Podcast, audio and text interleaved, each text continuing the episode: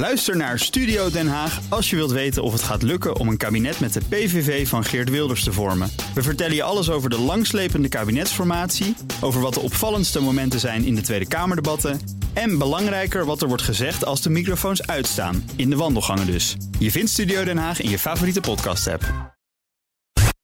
BNR's Big Five van de fusies en overnames wordt mede mogelijk gemaakt door Uniserver. Uniserver, het cloudnetwerk voor zakelijk Nederland. BNR Nieuwsradio. The Big Five. Diana Matroos.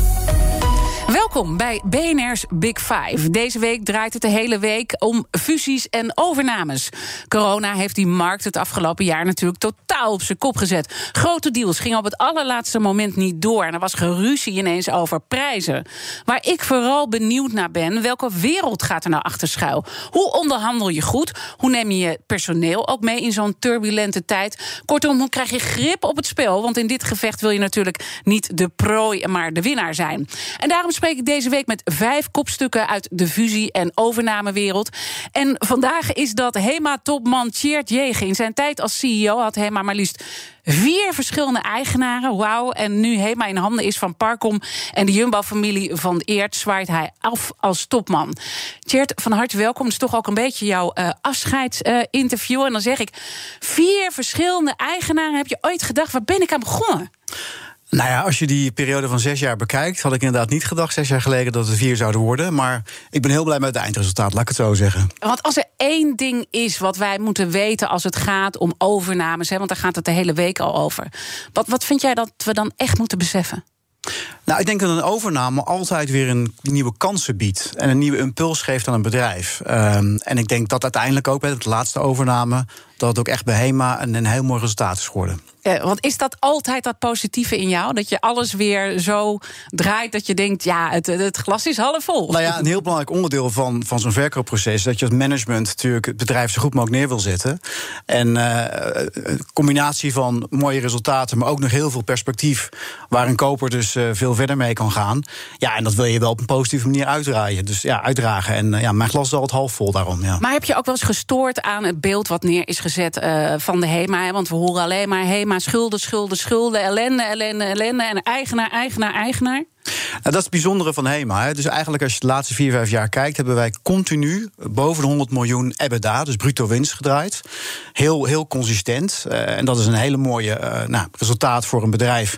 En waar je toch heel veel winkels hebt... en waar ook hè, online sterk groeit, maar nog steeds klein is... Alleen we hebben natuurlijk al het verlies gemaakt omdat die financieringslast veel te hoog was. En die schuld was onhoudbaar. En dat is, heeft, zegt niks over de kwaliteit van het bedrijf, maar alles over de structuur van de financiering. En het mooie is, met de huidige eigenaren ja. hebben we nu een financiering die past bij het bedrijf. Maar stoort het je? Want ik probeer ja, toch want, even bij die nou, laag kijk, kijk, te komen. Uiteindelijk, wat heel vaak eh, versimpeld in de media komt is dat een verliesgevend bedrijf per definitie alles fout doet. En dat de mensen die daar werken gewoon niet de goede dingen doen. En ik denk dat wij ongelooflijk mooie dingen gedaan hebben de afgelopen zes jaar. Keihard gewerkt hebben. Maar dat een financiering iets waar je op een gegeven moment, ja, daar kan je weinig mee. En dat bruto resultaat van het bedrijf, dat is eigenlijk veel belangrijker. En, en, je bent natuurlijk met die schulden ook begonnen. Hè? Dat ja. is uiteindelijk als een molensteen uh, om, uh, heeft dat om je nek, om ja. jullie nek uh, gehangen. Zeker. En laten we eventjes dat, dat in dit uur echt gaan terugblikken naar al die fases die er zijn geweest. En misschien is het toch mooi om eerst even te beginnen nu bij het einde. De verkoop aan, aan Jumbo en Parkom. Ik las dat je zelf een appje stuurde naar Tom van Veen, de financieel topman van Jumbo. Het is je kans om de HEMA te kopen. Is dat hoe een overname uiteindelijk in het echt gaat? Ja, nou weet je, ik, ik heb natuurlijk helaas flink aantal keren een overname meegemaakt bij HEMA en, en verkoopprocessen. En um, nou, daar gaan we daar misschien wat meer uh, kleur bij geven. Maar mijn les is wel dat een directe lijn met verschillende kopers, zonder tussenkomst van je financiële adviseur, die heb je nodig hoor. Maar een directe lijn tussen management en CEO en, en kopers, uh, en name beslissers is wel cruciaal. En ik heb een aantal keren zo toch wel processen weer op kunnen starten. En uiteindelijk tot een einde weten te brengen. Dus het begint vaak wel met zo'n contact. Ja. Dus dat is dan uh, mooi om te weten. Zo begint het dan. In ieder geval in dit geval. Maar het werd toch afgewezen. Ja, uiteindelijk wel. Maar, maar het bijzondere is natuurlijk wel dat, dat hè, het resultaat is dat de familie van Eert uiteindelijk voor de helft nu eigenaar geworden is. Maar het antwoord was van ja, op, op het jumbo-bordje ligt nu momenteel iets te veel. Dus wij, wij slaan het even over. Maar uiteindelijk de familie heeft wel doorgepakt. Dus het resultaat telt, zou ik maar zeggen. Maar hoe, eh, want dat is natuurlijk waarbij we proberen een beetje in jouw hoofd te kruipen en in die hele wereld daarachter. Wat heb je uiteindelijk gedaan om dan toch Jumbo zover te krijgen dat ze overstag gingen? Want ze gingen niet op dat moment, maar uiteindelijk wel. Ja, dat, kijk, eh, als je kijkt naar HEMA en kijkt naar het businessmodel. Eh, toen wij in 2007 werden overgenomen door Line Capital, was het een heel andere wereld. En, en het idee was toen, het ging hard groeien, financiering was goedkoop, maar die schuld was gewoon veel te hoog afgelopen nou, 13 jaar sinds, sinds 2007 is natuurlijk het hele businessmodel van retail veranderd door online. En, en als je heel veel fysieke winkels hebt, dan is je groei per definitie beperkt. Een beperkte groei. Ja, dan werkt private equity niet meer goed. Maar uiteindelijk een strategische eigenaar, en of het nou, het is uiteindelijk familie van Eert geworden, had ook een andere supermarktketen kunnen worden die, eh, die eh, in Nederland actief is. Mhm. Een strategische eigenaar past supergoed bij HEMA. En dat was wel mijn visie toen wij halverwege vorig jaar weer in de verkoop kwamen dat ik met name ook dit keer met die hele lage schuld, die we gelukkig door die korting van die obligatiehouders hebben gekregen, op zoek wilde gaan naar strategische kopers van Hema. Ja, en niet meer ook kunnen zijn. Had ook gekund. Want die kunnen namelijk met synergievoordelen, met de combinatie van Hema, kunnen zij veel meer uh, waarde halen uit de overname van Hema dan een private equity partij kan. Dus daar heb ik heel bewust op gefocust. Dat, maar ik maar daarmee overtuig je iemand nog niet natuurlijk. Nee, maar het, het, begint, het begint uiteraard met een appje. Maar uiteindelijk heb je natuurlijk ook wel een langere relatie al. En wat ik ook geholpen heeft bij, bij de familie van Eert en Jumbo. Wij hebben natuurlijk in de tussentijd ook op heel veel plekken bij Jumbo HEMA-spullen uh, liggen. Mensen kunnen dus bij Jumbo HEMA-spullen vinden. Uh, shop and shop noemen we dat. Ja, en dat, dat loopt redelijk goed. Dus ik denk dat Jumbo de kracht gezien heeft. En heeft meneer Van Eert van het HEMA-merk persoonlijk ondervonden. Dus het gaat uiteindelijk toch om de relatie. het feit dat je dan even dat appje kan sturen. En het feit dat er ook al een zakelijke relatie was. Dat helpt. Uh, je weet dat hier in de uitzending stellen mijn gasten elkaar vragen via de kettingvraag. en ik heb er vandaag twee voor je. Want uh, de eerste is M&A-advocaat Arne Grimme. Hij was afgelopen dinsdag te gast. Maar hij was natuurlijk ook betrokken bij de verkoop van Hema aan Parkom en Van Eert. En hij had deze vraag voor jou. Hema was geen koper of verkoper hier. Hema was in deze transactie het, het, eigenlijk het kalkoen op het kerstdiner. En we hadden de bondholders, die waren eigenaar geworden nadat Marcel Boekhoorn eruit was gestapt of moest uitstappen. De bondholders hadden eigenlijk de macht gegrepen voor de zomer en die waren eigenlijk de verkopers. Een lastige groep om, eh, om voor op te treden, dat was mijn rol. En dan heb je de kopers, Parkom en Van Eert. Ja, dus de schuldeisers speelden hier een hele belangrijke rol. Een hele belangrijke rol. En mijn vraag eigenlijk aan Tjeerd zou zijn... had hij heel erg last van dat kalkoengevoel? Van, er wordt over mij gepraat uh, hoe, hoe het menu wordt uh, geserveerd op het kerstdiner. Ja, kijk, kalkoen, um, ik weet niet of die vergelijking helemaal klopt. Hè, want dat is natuurlijk een, uh, prachtig gerecht en dat eet je op en dan is het klaar. En volgens mij wil je juist als, als koper iets kopen voor de lange termijn. Dus ik, ik, ik snap wel de metafoor. Uh, kijk, als management speel je een hele belangrijke rol in, in zo'n verkoopproces. Want je wil zo'n koper interesseren voor die investering. Je wil ze vertrouwen geven dat er een duidelijk plan ligt en dat er ook potentie zit. En dat heb ik niet anders ervaren uh, met het afgelopen verkoopproces. Alleen de, de, verk, de, de eigenaren die waren wat onzichtbaar. Of helemaal onzichtbaar. Sterker nog, uh, als we met de, de bondholders spraken... dan had je 25 zoomschermpjes die vaak zwart waren. En iedereen had natuurlijk een ander belang ook nog Compleet, Maar ook mensen die geen beperkt besef hebben van retail. Die ook geen normale eigenaren zijn van bedrijven. Het zijn allemaal analisten die uiteindelijk obligaties handelen. Dus dat was wel heel anders dan de voorgaande processen. Maar de rol hm. als management is niet anders dan, dan in de voorgaande. Ja, maar kijk, Arne zei natuurlijk: uh, Hema was geen koper of verkoper. Dus uh, uiteindelijk was zijn vraag ook wel een beetje bedoeld: van er zitten daar allemaal mensen om tafel. En uiteindelijk ben jij topman van het bedrijf. Maar je zit niet aan de tafel. Ik bedoel, je wordt uiteindelijk opgediend. Ja, maar dat is, dit denk ik ook. Het voorgaande proces natuurlijk ook met, met, met Line Capital naar Boeken was dat eigenlijk ook hetzelfde. Hè? Dat je uiteindelijk. Uh, Lion was niet mhm. betrokken bij het verkoopproces, want uiteindelijk zij stappen eruit.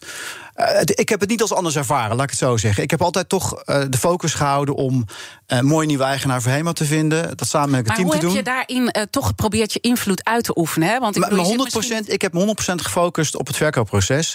En niet dat te lijken door alle randverschijnselen. En, en ik, het is, kijk, Arne, moet ik zeggen, ik heb veel respect voor Arne... want hij heeft een ongelooflijk moeilijke job heel goed gedaan. Want om al die verschillende bondholders... Hè, er waren bondholders bij die vanaf het begin af aan op 100% hadden ingekocht... En die best wel flink geld verloren hadden. Er waren bondholders bij die heel laag ingekocht hadden en die een fantastische winst gemaakt hadden. Allemaal verschillende belangen, allemaal verschillende uitgangspunten. En om al die bondholders op één lijn te krijgen. En zover te krijgen dat ze zeggen: oké, ja, we gaan verkopen.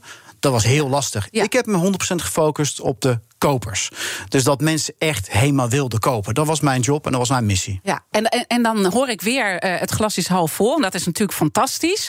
Maar als je toch even in alle kwetsbaarheid... Uh, hè, want ik probeer ook achter te komen... wat heeft jou nou geraakt? Wat vond je moeilijk? Ik bedoel, het is niet natuurlijk alleen maar Hosanna en Hoera. Nou, het, lastige, het lastige was wel... Um, dan was je eigenlijk al best fair met de koper. En je had echt wel het gevoel... nou, op deze prijs en volgens deze condities... gaat er gewoon een deal komen. Dat dat voelt je. Ja, en dan, dan begint er weer een dynamiek te ontstaan bij die bondholders. Dan gaan weer partijen in New York en Londen weer allerlei gesprekken met elkaar hebben. En dan, dan krijg je weer terugkoppeling. We hebben ook meerdere keren gehad dat bijvoorbeeld op een maandag zou er een bepaalde milestone behaald zijn. Zou er getekend worden of zou gecommuniceerd worden.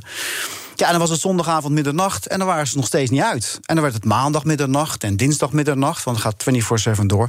Uiteindelijk op woensdag ga je dan, kom je het verhaal, witte rook dat waren wel nagelbijtende dagen. Dus je, je, je wist dat het ging gebeuren, maar die groep moest op één lijn komen. Ja, dat heb ik niet eerder meegemaakt, want daarvoor was er gewoon één beslisser, gewoon het investment committee van Line Capital. dat is veel simpeler, maar, maar 25 bondholders die gewoon elkaar niet kunnen vinden. Ja, dat was het meest lastige van dit traject. En daar heeft uh, Arne Grimmen natuurlijk als uh, lawyer een heel belangrijke rol uh, ja, in en, en, ook, en ook de financieel adviseur Meulens heeft ook een grote rol gespeeld daarin. En, en, en voor mij was het dus het meest verrassende van ja, het was voor mij overduidelijk dat hè, op deze waarden en, en op deze voorwaarden gewoon voor beide partijen een goede deal was. Maar dat was niet zo bij de complete groep van bondholders. En die moesten een meerderheid hebben. Dus er moest minimaal 50% van die groep moest het erover eens zijn. Anders konden ze die deal niet draaien. En misschien is het goed om even te benadrukken... dat zijn dus de schuldeisers, hè? Want ja. uh, misschien dat dus niet Hema, Hema, weet wat... Hema, Hema had dus een, een, een vrij grote uh, obligatieschuld... van 600 miljoen euro in nominale waarde. Uh, dat zijn, en die hadden als pandrechten aandelen van Hema. dus als het fout zou gaan, zouden zij gewoon de eigenaar worden van Hema. Dat is ook gebeurd. En die obligatiehouders... En een dag later wilden ze er weer vanaf. Zeker, en die obligatiehouders werden uiteindelijk de eigenaar van Hema. Effectief op 15 juni. En op 16 juni kregen wij de instructie... en nu gaan we Hema verkopen. The Big Five. Diana Matroos. Deze week, deze week praat ik met vijf kopstukken uit de wereld van de fusies en overnames. Eerder sprak ik onder andere met M&A-lawyer Arne Grimme. We hoorden net de kettingvraag van hem. En met overnamekoning Jan Alberts. Al die gesprekken kun je terugluisteren in de BNR-app. Mijn gast vandaag is de topman van HEMA, Tjeerd uh, En we waren net een beetje op het punt gekomen dat je zegt... oké, dit, dit aspect vond ik echt wel spannend in die hele laatste overname-strijd. Wat me ook uh, best moeilijk lijkt uh, voor jou... is dat de Jumbo familie echt gewoon gaat focussen weer op de thuismarkt, op Nederland. En dat jij natuurlijk dat hele buitenlandavontuur hebt ingezet. Nou, kijk, um, uh, Hema is natuurlijk een prachtig merk. Uh, waarbij we het afgelopen drie jaar. Uh, Boekhoorn heeft daar een enorme versnelling aan gegeven. dat merk ook buiten de eigen winkels heel sterk neer hebben gezet. Ehm, de samenwerking met Franprix, een Frans winkelketen, als eerste, maar met Jumbo heeft er nu al toe geleid dat in 18 maanden er nu meer plekken zijn, shop-in-shop noemen we dat, buiten HEMA, met HEMA-producten dan HEMA zelf. Zo snel gaat het. En er wordt ook een groot deel van onze omzet. Um, in België hebben we een sterke positie, in Frankrijk een sterke positie. Kijk, dat zijn, dat zijn prachtige uitkomsten. En op basis daarvan kan je natuurlijk als nieuwe eigenaren weer nieuwe accenten gaan leggen. En uh, ja, wat de nieuwe accenten gaan worden, is niet meer aan mij. Maar ik ben, nee, ik ben maar blij met. De accenten zijn wel duidelijk dat ze natuurlijk gaan focussen op, het, uh, op, het, uh, op de thuismarkt. En dat lijkt me toch, dit was jouw missie, dit was jouw ambitie. Dat heb je ook vaak verkondigd. En zij gaan echt een andere uh, weg op. Ja, nou, en, ik, en ik denk ook dat het uiteindelijk ook het voorrecht van een eigenaar om te doen met een bedrijf wat je wil. En ik denk in de basis is, is HEMA een prachtig merk wat zo mooi is dat in mijn ogen in heel veel meer landen uh, mensen van hem moeten kunnen genieten. En daar blijf ik nog steeds in geloven. En, uh, en het is dan een mooie nieuwe eigenaar en een fantastisch nieuwe, nieuwe, nieuwe CEO om daar verder. Uh, ja, maar ik kan me toch voorstellen dat dit echt een moeilijk punt is. Hè? Want uiteindelijk die franchisewinkel in Abu Dhabi, dat was ook iets heel moois voor jou. Dat was echt jouw, jouw kroon op het werk. Nou, kijk, ik denk, ik denk nog steeds dat, dat HEMA een prachtig merk is met wereldwijde potentie. Maar uiteindelijk is het dan een nieuwe aandeelhouder en een nieuwe, een nieuwe CEO om daar besluit Ja. over te nemen. En Dus, eh, dit is volgens mij typisch Cheert Jegen. eh, hoe je dit hele proces ook begeleidt. En waardoor, jij dus al die overname-spellen ook hebt kunnen spelen. Is dat je toch ook mee kan bewegen. ja, zeker. En, en dus niet eh, ehm, de hard feelings die je waarschijnlijk persoonlijk echt wel hebt. Niet Nee. een rol kan laten spelen. Want het glijdt allemaal van jou af. Ja, maar dat komt ook omdat je uiteindelijk een groter doel hebt. Toen ik in, in 2015 bij HEMA startte, eh, toen zeiden heel veel mensen tegen mij: succes. eh, je neemt een eh, bedrijf over met een veel te hoge schuldenlast. Al jarenlang loopt het bruto bedrijfsresultaat sterk terug. En je hebt een veel te klein online aandeel. En dat is de enige groeisegment in jouw markt waar actief bent. Ehm, en dan heb je ook nog eens een keer als statutair directeur de, de, de verplichting in de wet om de continuïteit te waarborgen. En 18.000 mensen die direct of indirect bij HEMA eh, werkzaam zijn, om hun toekomst te waarborgen. En dat heb ik altijd in al die jaren als nummer één doelstelling behouden. En dan denk je bij jezelf, tuurlijk, hè, je hebt een bepaald plan gemaakt en dat wil je graag uitvoeren. Maar zo'n plan, hè, dat moet je flexibiliteit in hebben. Maar uiteindelijk, hè, als je maar voor, voor, voor als, als, als einddoel hebt de continuïteit van HEMA garanderen, zorgen dat al die 18.000 collega's een prachtige toekomst hebben. Ja, dan pas je inderdaad je aan aan de omstandigheden en aan de andere ideeën van, van, van mensen die belangrijk worden voor HEMA. Maar het einddoel voor mij is altijd geweest: een solide basis voor HEMA, behouden voor de toekomst en continuïteit. En daar ben ik. Maar waar, in geslaagd. wanneer wordt Cheert Jegen kwaad? Nou, als dingen niet gaan eh, zo- zoals ik het wil. eh, en, en als dingen niet lopen zoals, eh, zoals, het, zoals het gaat. En als ik zelf ook dingen niet goed doe. Hè. Uiteindelijk ben je verantwoordelijk natuurlijk voor, voor alles in het bedrijf. Mhm. Maar je bent natuurlijk het meest verantwoordelijk voor je eigen handelen. En dan, dan kan ik op mezelf wel eens heel, heel boos worden. En noem eens een voorbeeld dan. Dat je echt Nou. op jezelf of op anderen echt Nou, kijk, domme.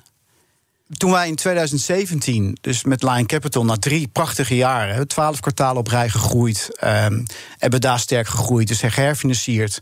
En toen mochten we het verkoopproces doen. Ehm, ja, toen heb ik één grote fout gemaakt. Ehm, want ik heb namelijk gedacht van, nou, dat gaat snel gebeuren. Nou, we zijn in september 17 hebben we aangekondigd, oktober 18 verkocht. Het heeft 13 maanden geduurd, veel te lang.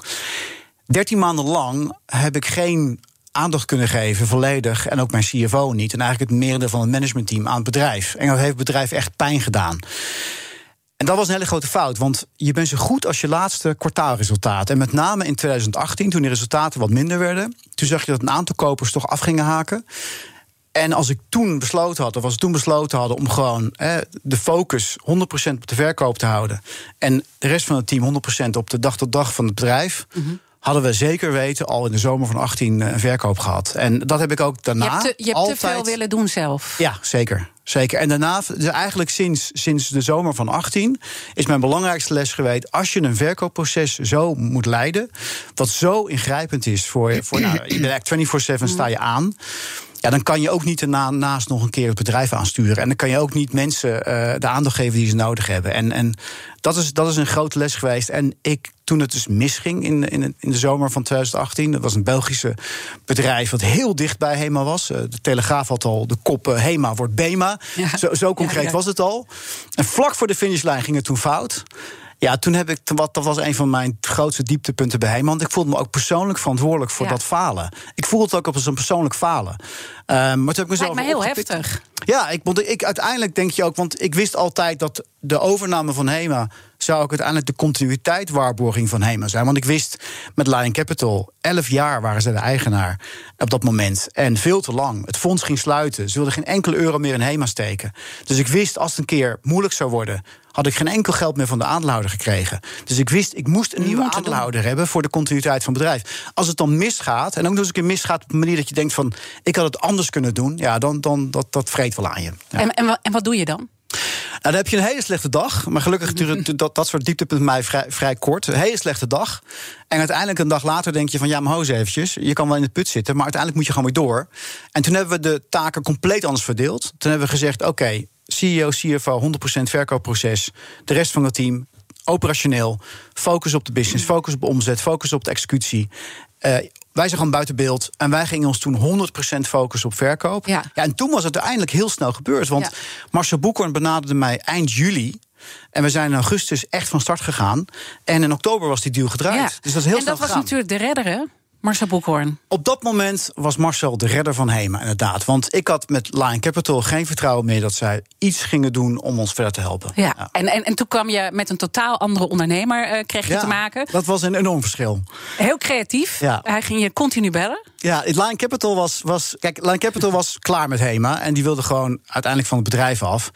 En het waren echt hele traditionele, of zijn hele traditionele Britten. Nou, veel respect voor, voor, voor, voor Line Capital. Alleen hun manier van aansturing was: ja, als je ging bellen, dan moest ik een belafspraak maken om te kunnen bellen. Dat was een beetje de aanpak die zij hadden. Dus je had niet heel veel contact met ze. En Marcel ging opeens zeven dagen in de week elk moment van de dag met bellen met allemaal ideeën. Dus dat was wel even een grote aanpassing voor mij. Maar zijn passie voor HEMA en zijn passie voor ondernemen... en zijn aansporing om gewoon van alle nieuwe dingen op te starten... daar heb ik wel heel ja, veel van geleerd. Maar je werd toch gek, kom op, je bent CEO... en nou, hij ging zich met de rookworst en de erwtensoep bemoeien. Ja, het is, het is vrij ja. intens. Ja, maar, dus, weet je, maar uiteindelijk, wat ik wel heel bijzonder van Marcel vind... en wat ik heel van geleerd heb... hij kijkt zo anders naar dingen... en hij heeft zo'n ander perspectief... en hij, die man heeft zo ongelooflijk veel energie.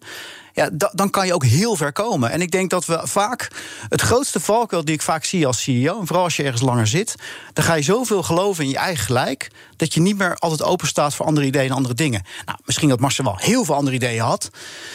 Maar ik denk dat hij me wel die les geleerd heeft van blijf altijd openstaan voor een ander, andere mening en andere visie. Dat heb ik heel veel van Marcel geleerd. Ja, maar dat hij toch op het laatste moment niet die 50 miljoen heeft getrokken. Ik bedoel, hij heeft een hele dikke portemonnee. Uh, hij heeft zich echt als de Messias heeft hij zich gepresenteerd.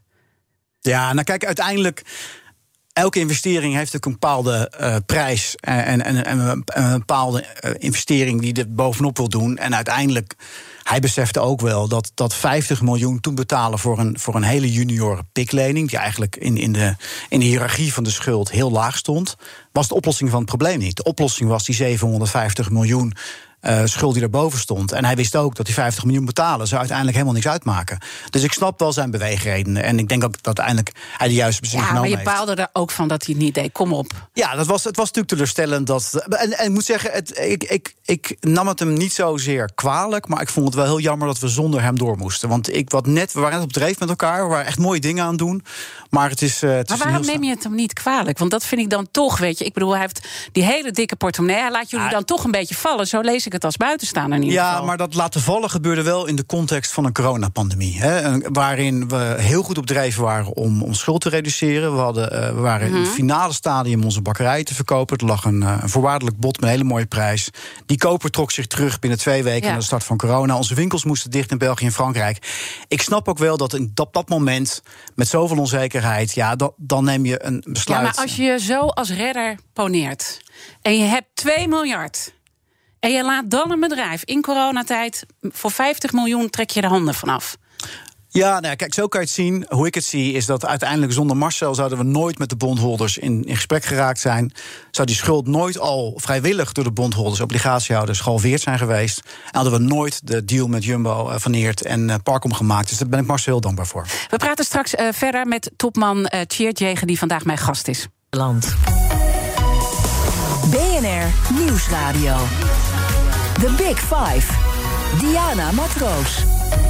Welkom bij het tweede halfuur van BNR's Big Five. Deze week praat ik met vijf kopstukken uit de wereld van fusies en overnames.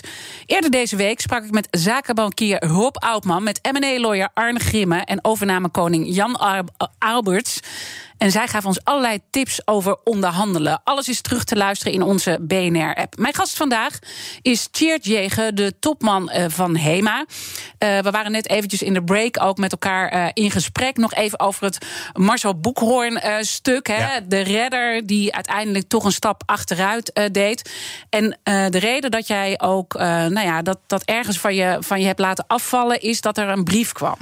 Ja, eigenlijk dus min of meer gelijktijdig met uh, de terugtrekkende beweging van Marcel. Uh, kwam er dus een brief van de obligatiehouders die zich hadden verenigd. En die brief was heel helder. Uh, en die zei letterlijk van wij steunen HEMA. Wij steunen het management, wij steunen jullie strategie. En nog veel belangrijker, mocht nou corona nog een grotere impact gaan krijgen op het bedrijf, dan staan wij stand-by met liquiditeit en extra middelen om HEMA uh, draaiend te houden en de continuïteit te waarborgen. Nou, die, zo'n brief geeft je als CEO wel heel veel uh, pijs en vree. En, en daarom was het voor mij ook uh, een, makkelijker te accepteren dat Marcel uiteindelijk zich terugtrok. terugtrok. Ja, en, het moment dat je die brief kreeg, neem ons even mee. Wat, wat ging er nou, door jou heen? Wat deed je? De, de, de, meest moeilijke periode was tussen half maart en half april. Uh, om toen he, heel snel, kort na elkaar, alle buitenlandse vestigingen moesten dicht. In Nederland klanten die we gingen niet meer winkelen. Dus daar ook, viel de helft van de omzet weg. En wij hadden toen op 1 april, uh, geen 1 april grap, maar een brief naar de verhuurders gestuurd. Waarin wij vonden dat de helft van uh, de huur kwijtgeschot moest worden en de andere helft zouden wij betalen. Uiteindelijk is dat ook met je norm geworden in, uh, in Nederland voor hoe huurders en verhuurders met elkaar omgaan. En toen kwamen er grote speculaties over onze continuïteit. En dat is heel lastig. Het was zelfs voorpagina FD toen. Dat is heel lastig, want als mensen speculaties over je continuïteit hebben, dan kan dat wel eens een keer een self-fulfilling prophecy worden. En, en dat wil je natuurlijk nooit. Dus heb je nou. op dat moment wel eens dacht van uh, dit is echt de ondergang van de HEMA? Dat je daar gewoon nou, echt kijk, bang kijk, uiteindelijk, Als, als iedereen gewoon volledig vertrouwen houdt in een bedrijf... dan is er niks aan de hand. Maar als allerlei mensen natuurlijk bezorgd worden... Uh, leveranciers bezorgd worden, verhuurders bezorgd worden... Ja, da, dan wordt het lastig. Uh, nou, en als je dan op dat moment, en dat gebeurde kort daarna eigenlijk... zo'n brief krijgt ja, dan, uh, dan denk je van nou prima, uh, wij zijn. Uh, er, er ligt gewoon een.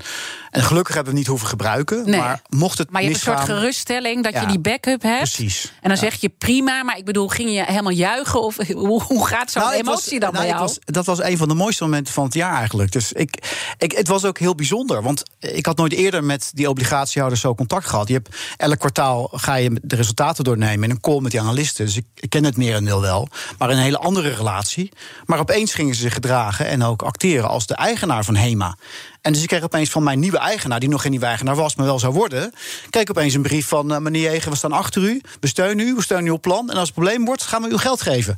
Ik dacht, nou, dat is, een, dat is een hele fijne brief om te ontvangen. Ja. Als we dan nu uh, kijken, hè, dat bedrijf dat, dat zat in enorm zwaar weer. Zat het al, dan komt die coronaklap komt daar nog eens uh, overheen.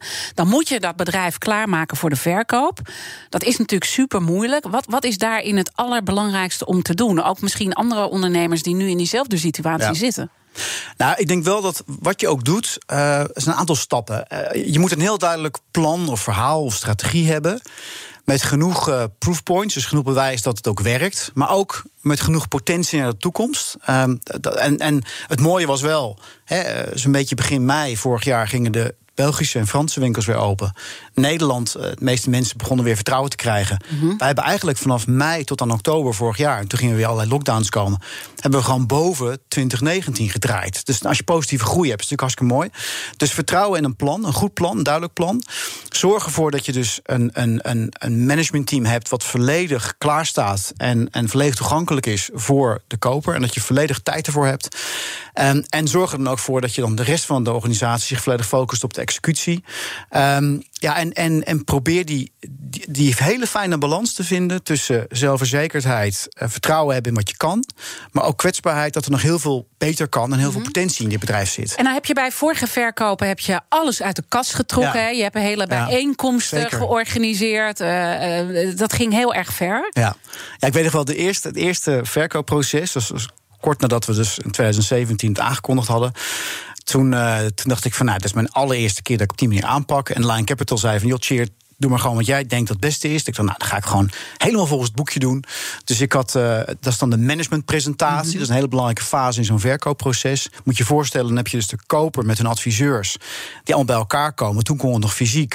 Um, en wij hadden dan op het kantoor hadden wij een hele grote ruimte gemaakt... met productpresentaties. Ik had speciaal een, een trainer ingehuurd uit Londen... die specifiek op managementpresentaties uh, expert zou zijn.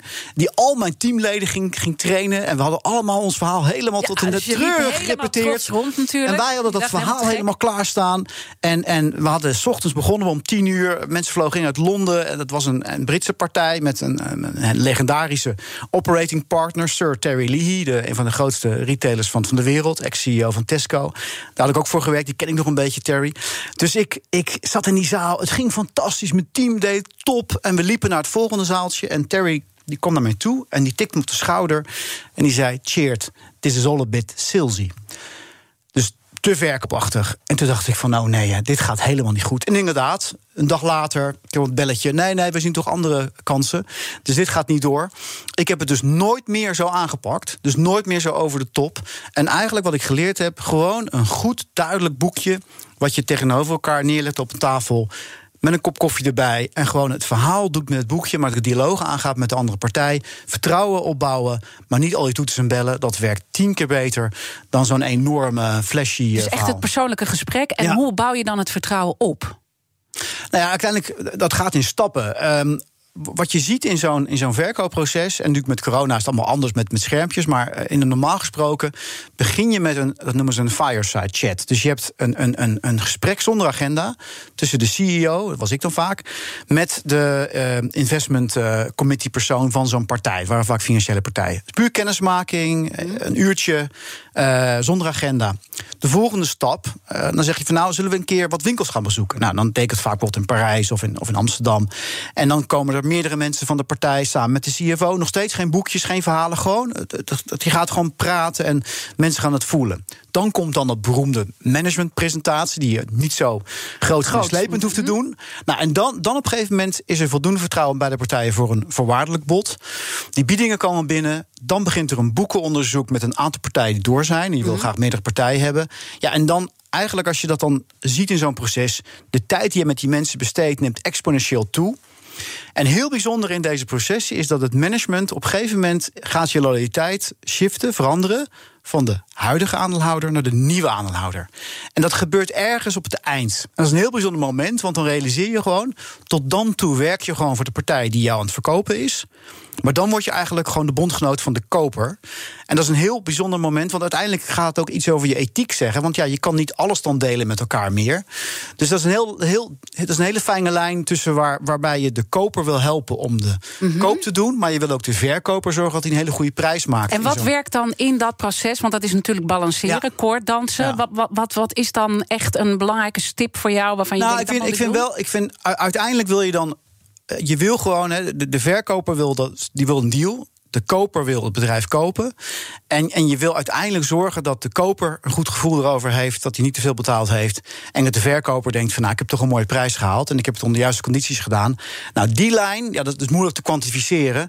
Maar die lijn moet je dan, dan volgen. Ja, en, en, en, maar kan je dan iets zeggen wat je daarin doet, wat, wat uh, belangrijk is? Gaat het dan echt om de persoonlijke relatie toch weer, die je een aantal keer al hebt benoemd? Nou ja, kijk, uiteindelijk, uh, het is natuurlijk uit de onderhandelingen, de prijsonderhandelingen, daar ben jij vaak niet bij als management. Dat gaat tussen de koper en verkoper. Maar je wil wel.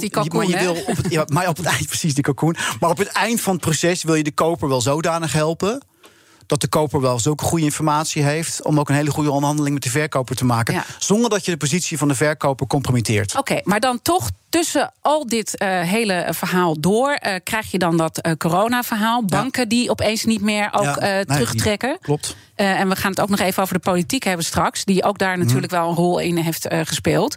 Maar wat vind je van die opstelling van de banken die gewoon zeggen: joh, dit gaan we allemaal niet meer financieren? het, was, het was een enorme teleurstelling. Dus wij, wij, wij dachten echt van: nou ja, weet je, we hebben misschien 50 miljoen nodig en we, hebben al 800 miljoen, dus er kan er ook nog wel bij qua schuld.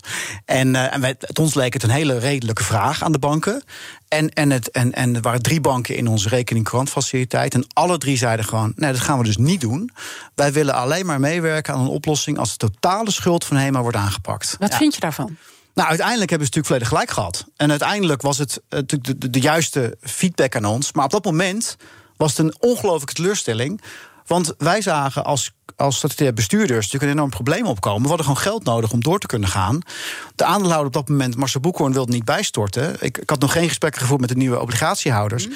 Dus ja, dan denk je wel van ja, hoe ja, op dat moment is dat gewoon een... hoe, ga, hoe ga je dit doen? Ja, dan zie je het zo uh, door je vingers heen uh, ja, dat, was wel, dat was wel een maar, deceptie, maar, maar, moeten de banken niet ook wat meer... Ik bedoel, dat ze zich zo enorm terugtrekken. Je zegt achteraf hebben ze gelijk gekregen... maar hadden ze niet ook net even een stapje meer kunnen zetten? Ja, dat is een goede vraag. Kijk, ik denk dat uh, op dat moment, dat praat je over uh, eind maart, begin april uh, 2020. ik denk dat niemand wist wat corona uiteindelijk zou gaan betekenen. Dat iedereen begon natuurlijk ja, voorzichtig te worden en banken voorop.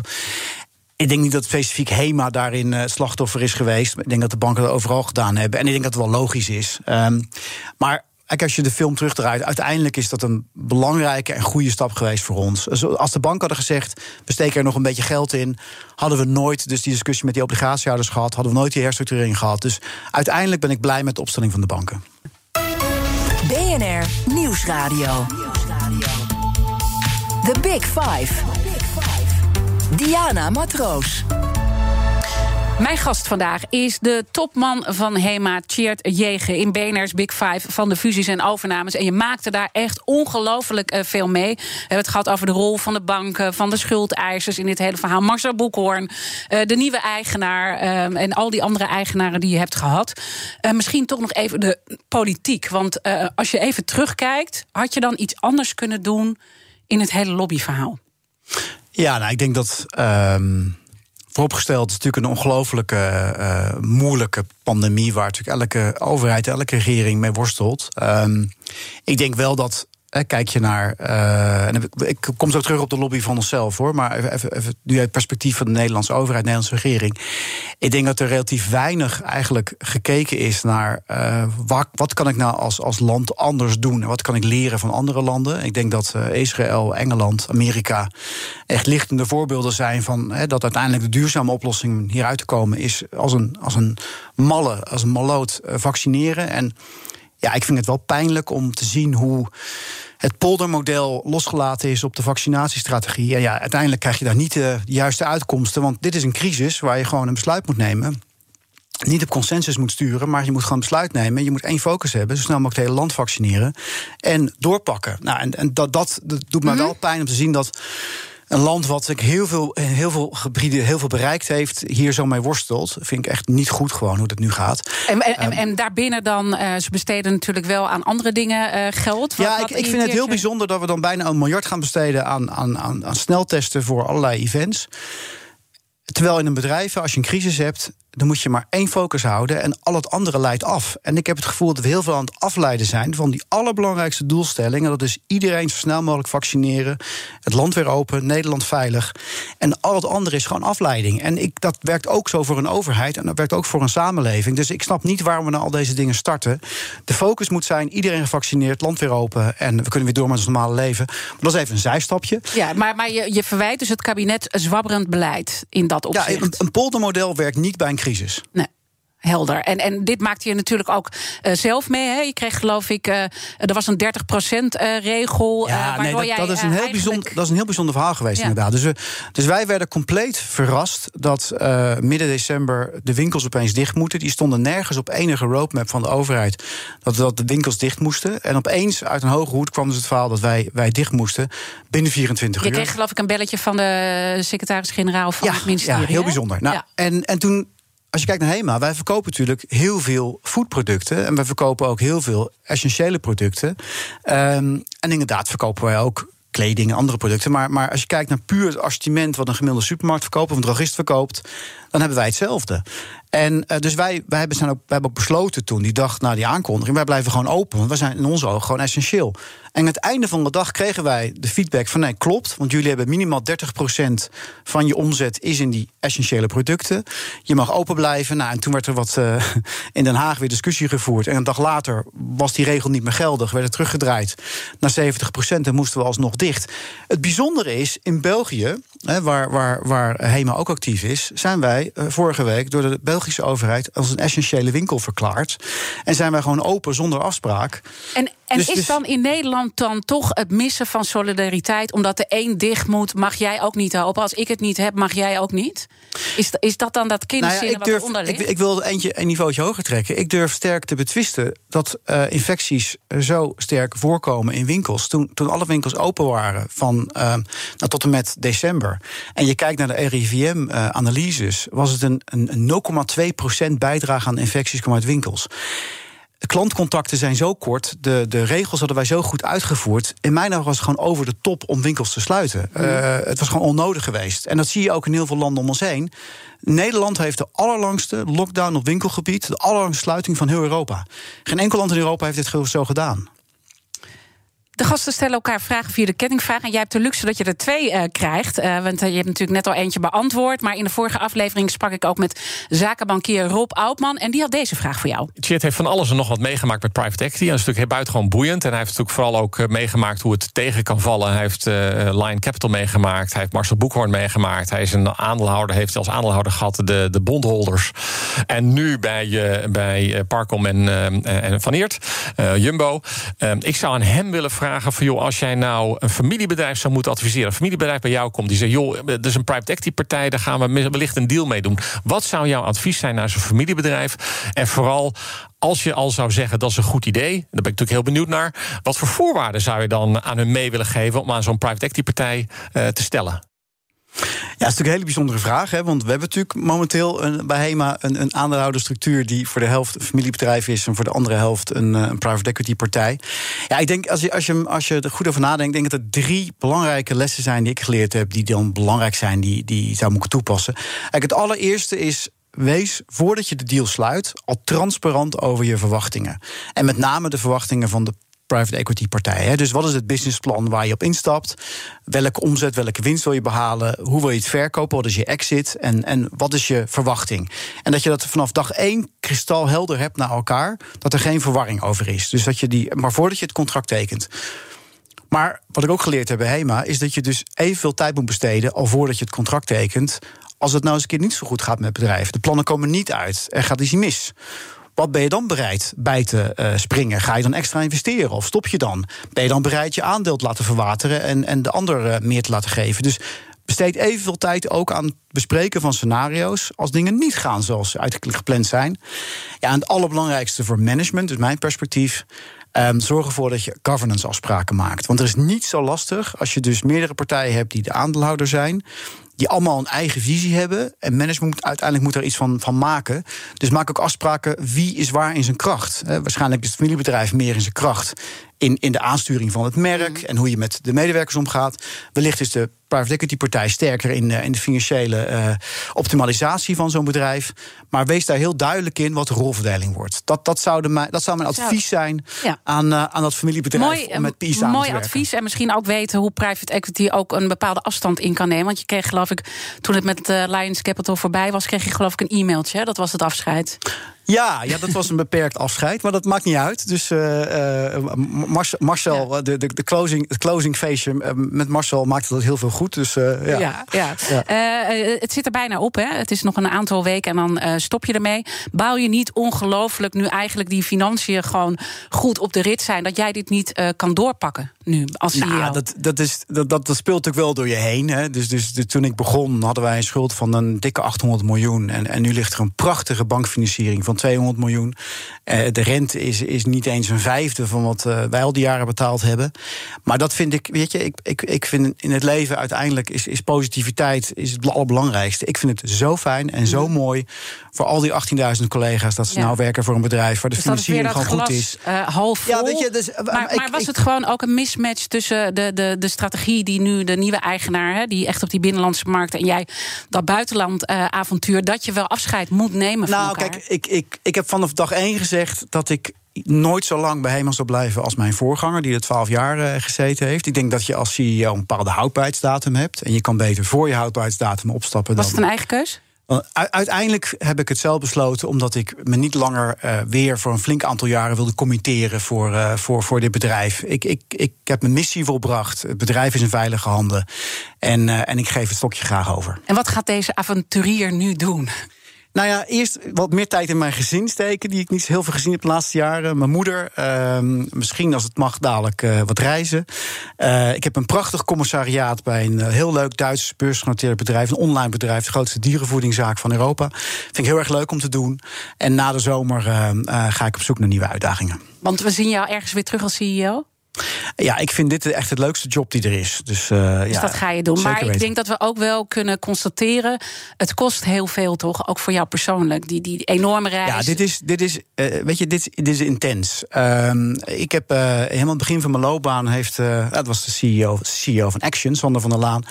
Hij was toen commercieel directeur van Albert Heijn. En, en ik was toen het commercieel directeur in Tsjechië voor Ahold. En hij vertelde mij dat hij met een student uh, dan naar een winkelopening ging in Maastricht. En dat vond ik zo exotisch. Dat je dus iemand laat rijden terwijl je uh, ja, zelf ook kan rijden. En hij zei: Ja, Tjeerd, besef wel, dit soort banen is Champions League voetbal. Dus zorg wel goed voor jezelf en ook dat je energie houdt. En, en, en dat heb ik altijd me, me bijgehouden. Dit is ook Champions League voetbal in vele opzichten. En je moet het ook kunnen, want je bent 24-7 sta je Je hebt altijd die verantwoordelijkheid. Het houdt nooit op. En je moet ook los kunnen laten. Uh, ja. Goed, en dat ga je binnenkort uh, doen. Dankjewel. Tjeerd Jege, afzwaaiend topman van de HEMA. Luister alle onze afleveringen natuurlijk terug uh, in de BNR-app en op bnr.nl. Volgende week, belangrijk moet ik nog even zeggen... mijn collega Art Royakkers presenteert dan een Big Five met een nieuw thema. De brexit in perspectief. Hij trapt af met brexit-hoogleraar Bart Los. En later die week spreekt hij nog met John Burkow. Mooie gast, maar blijft de hele dag live. Nina van der Dungen straks met BNR Breekt. Dag. BNR's Big Five van de fusies en overnames... wordt mede mogelijk gemaakt door Uniserver. Uniserver, het cloudnetwerk voor zakelijk Nederland. Bij BNR ben je altijd als eerste op de hoogte van het laatste nieuws. Luister dagelijks live via internet. Bas van Werven. En heel langzaam komt de zon op rond dit tijdstip. Je krijgt inzicht in de dag die komt op BNR, het Binnenhof in Nederland en de rest van de wereld. De Ochtendspits. Voor de beste start van je werkdag. Blijf scherp en mis niets.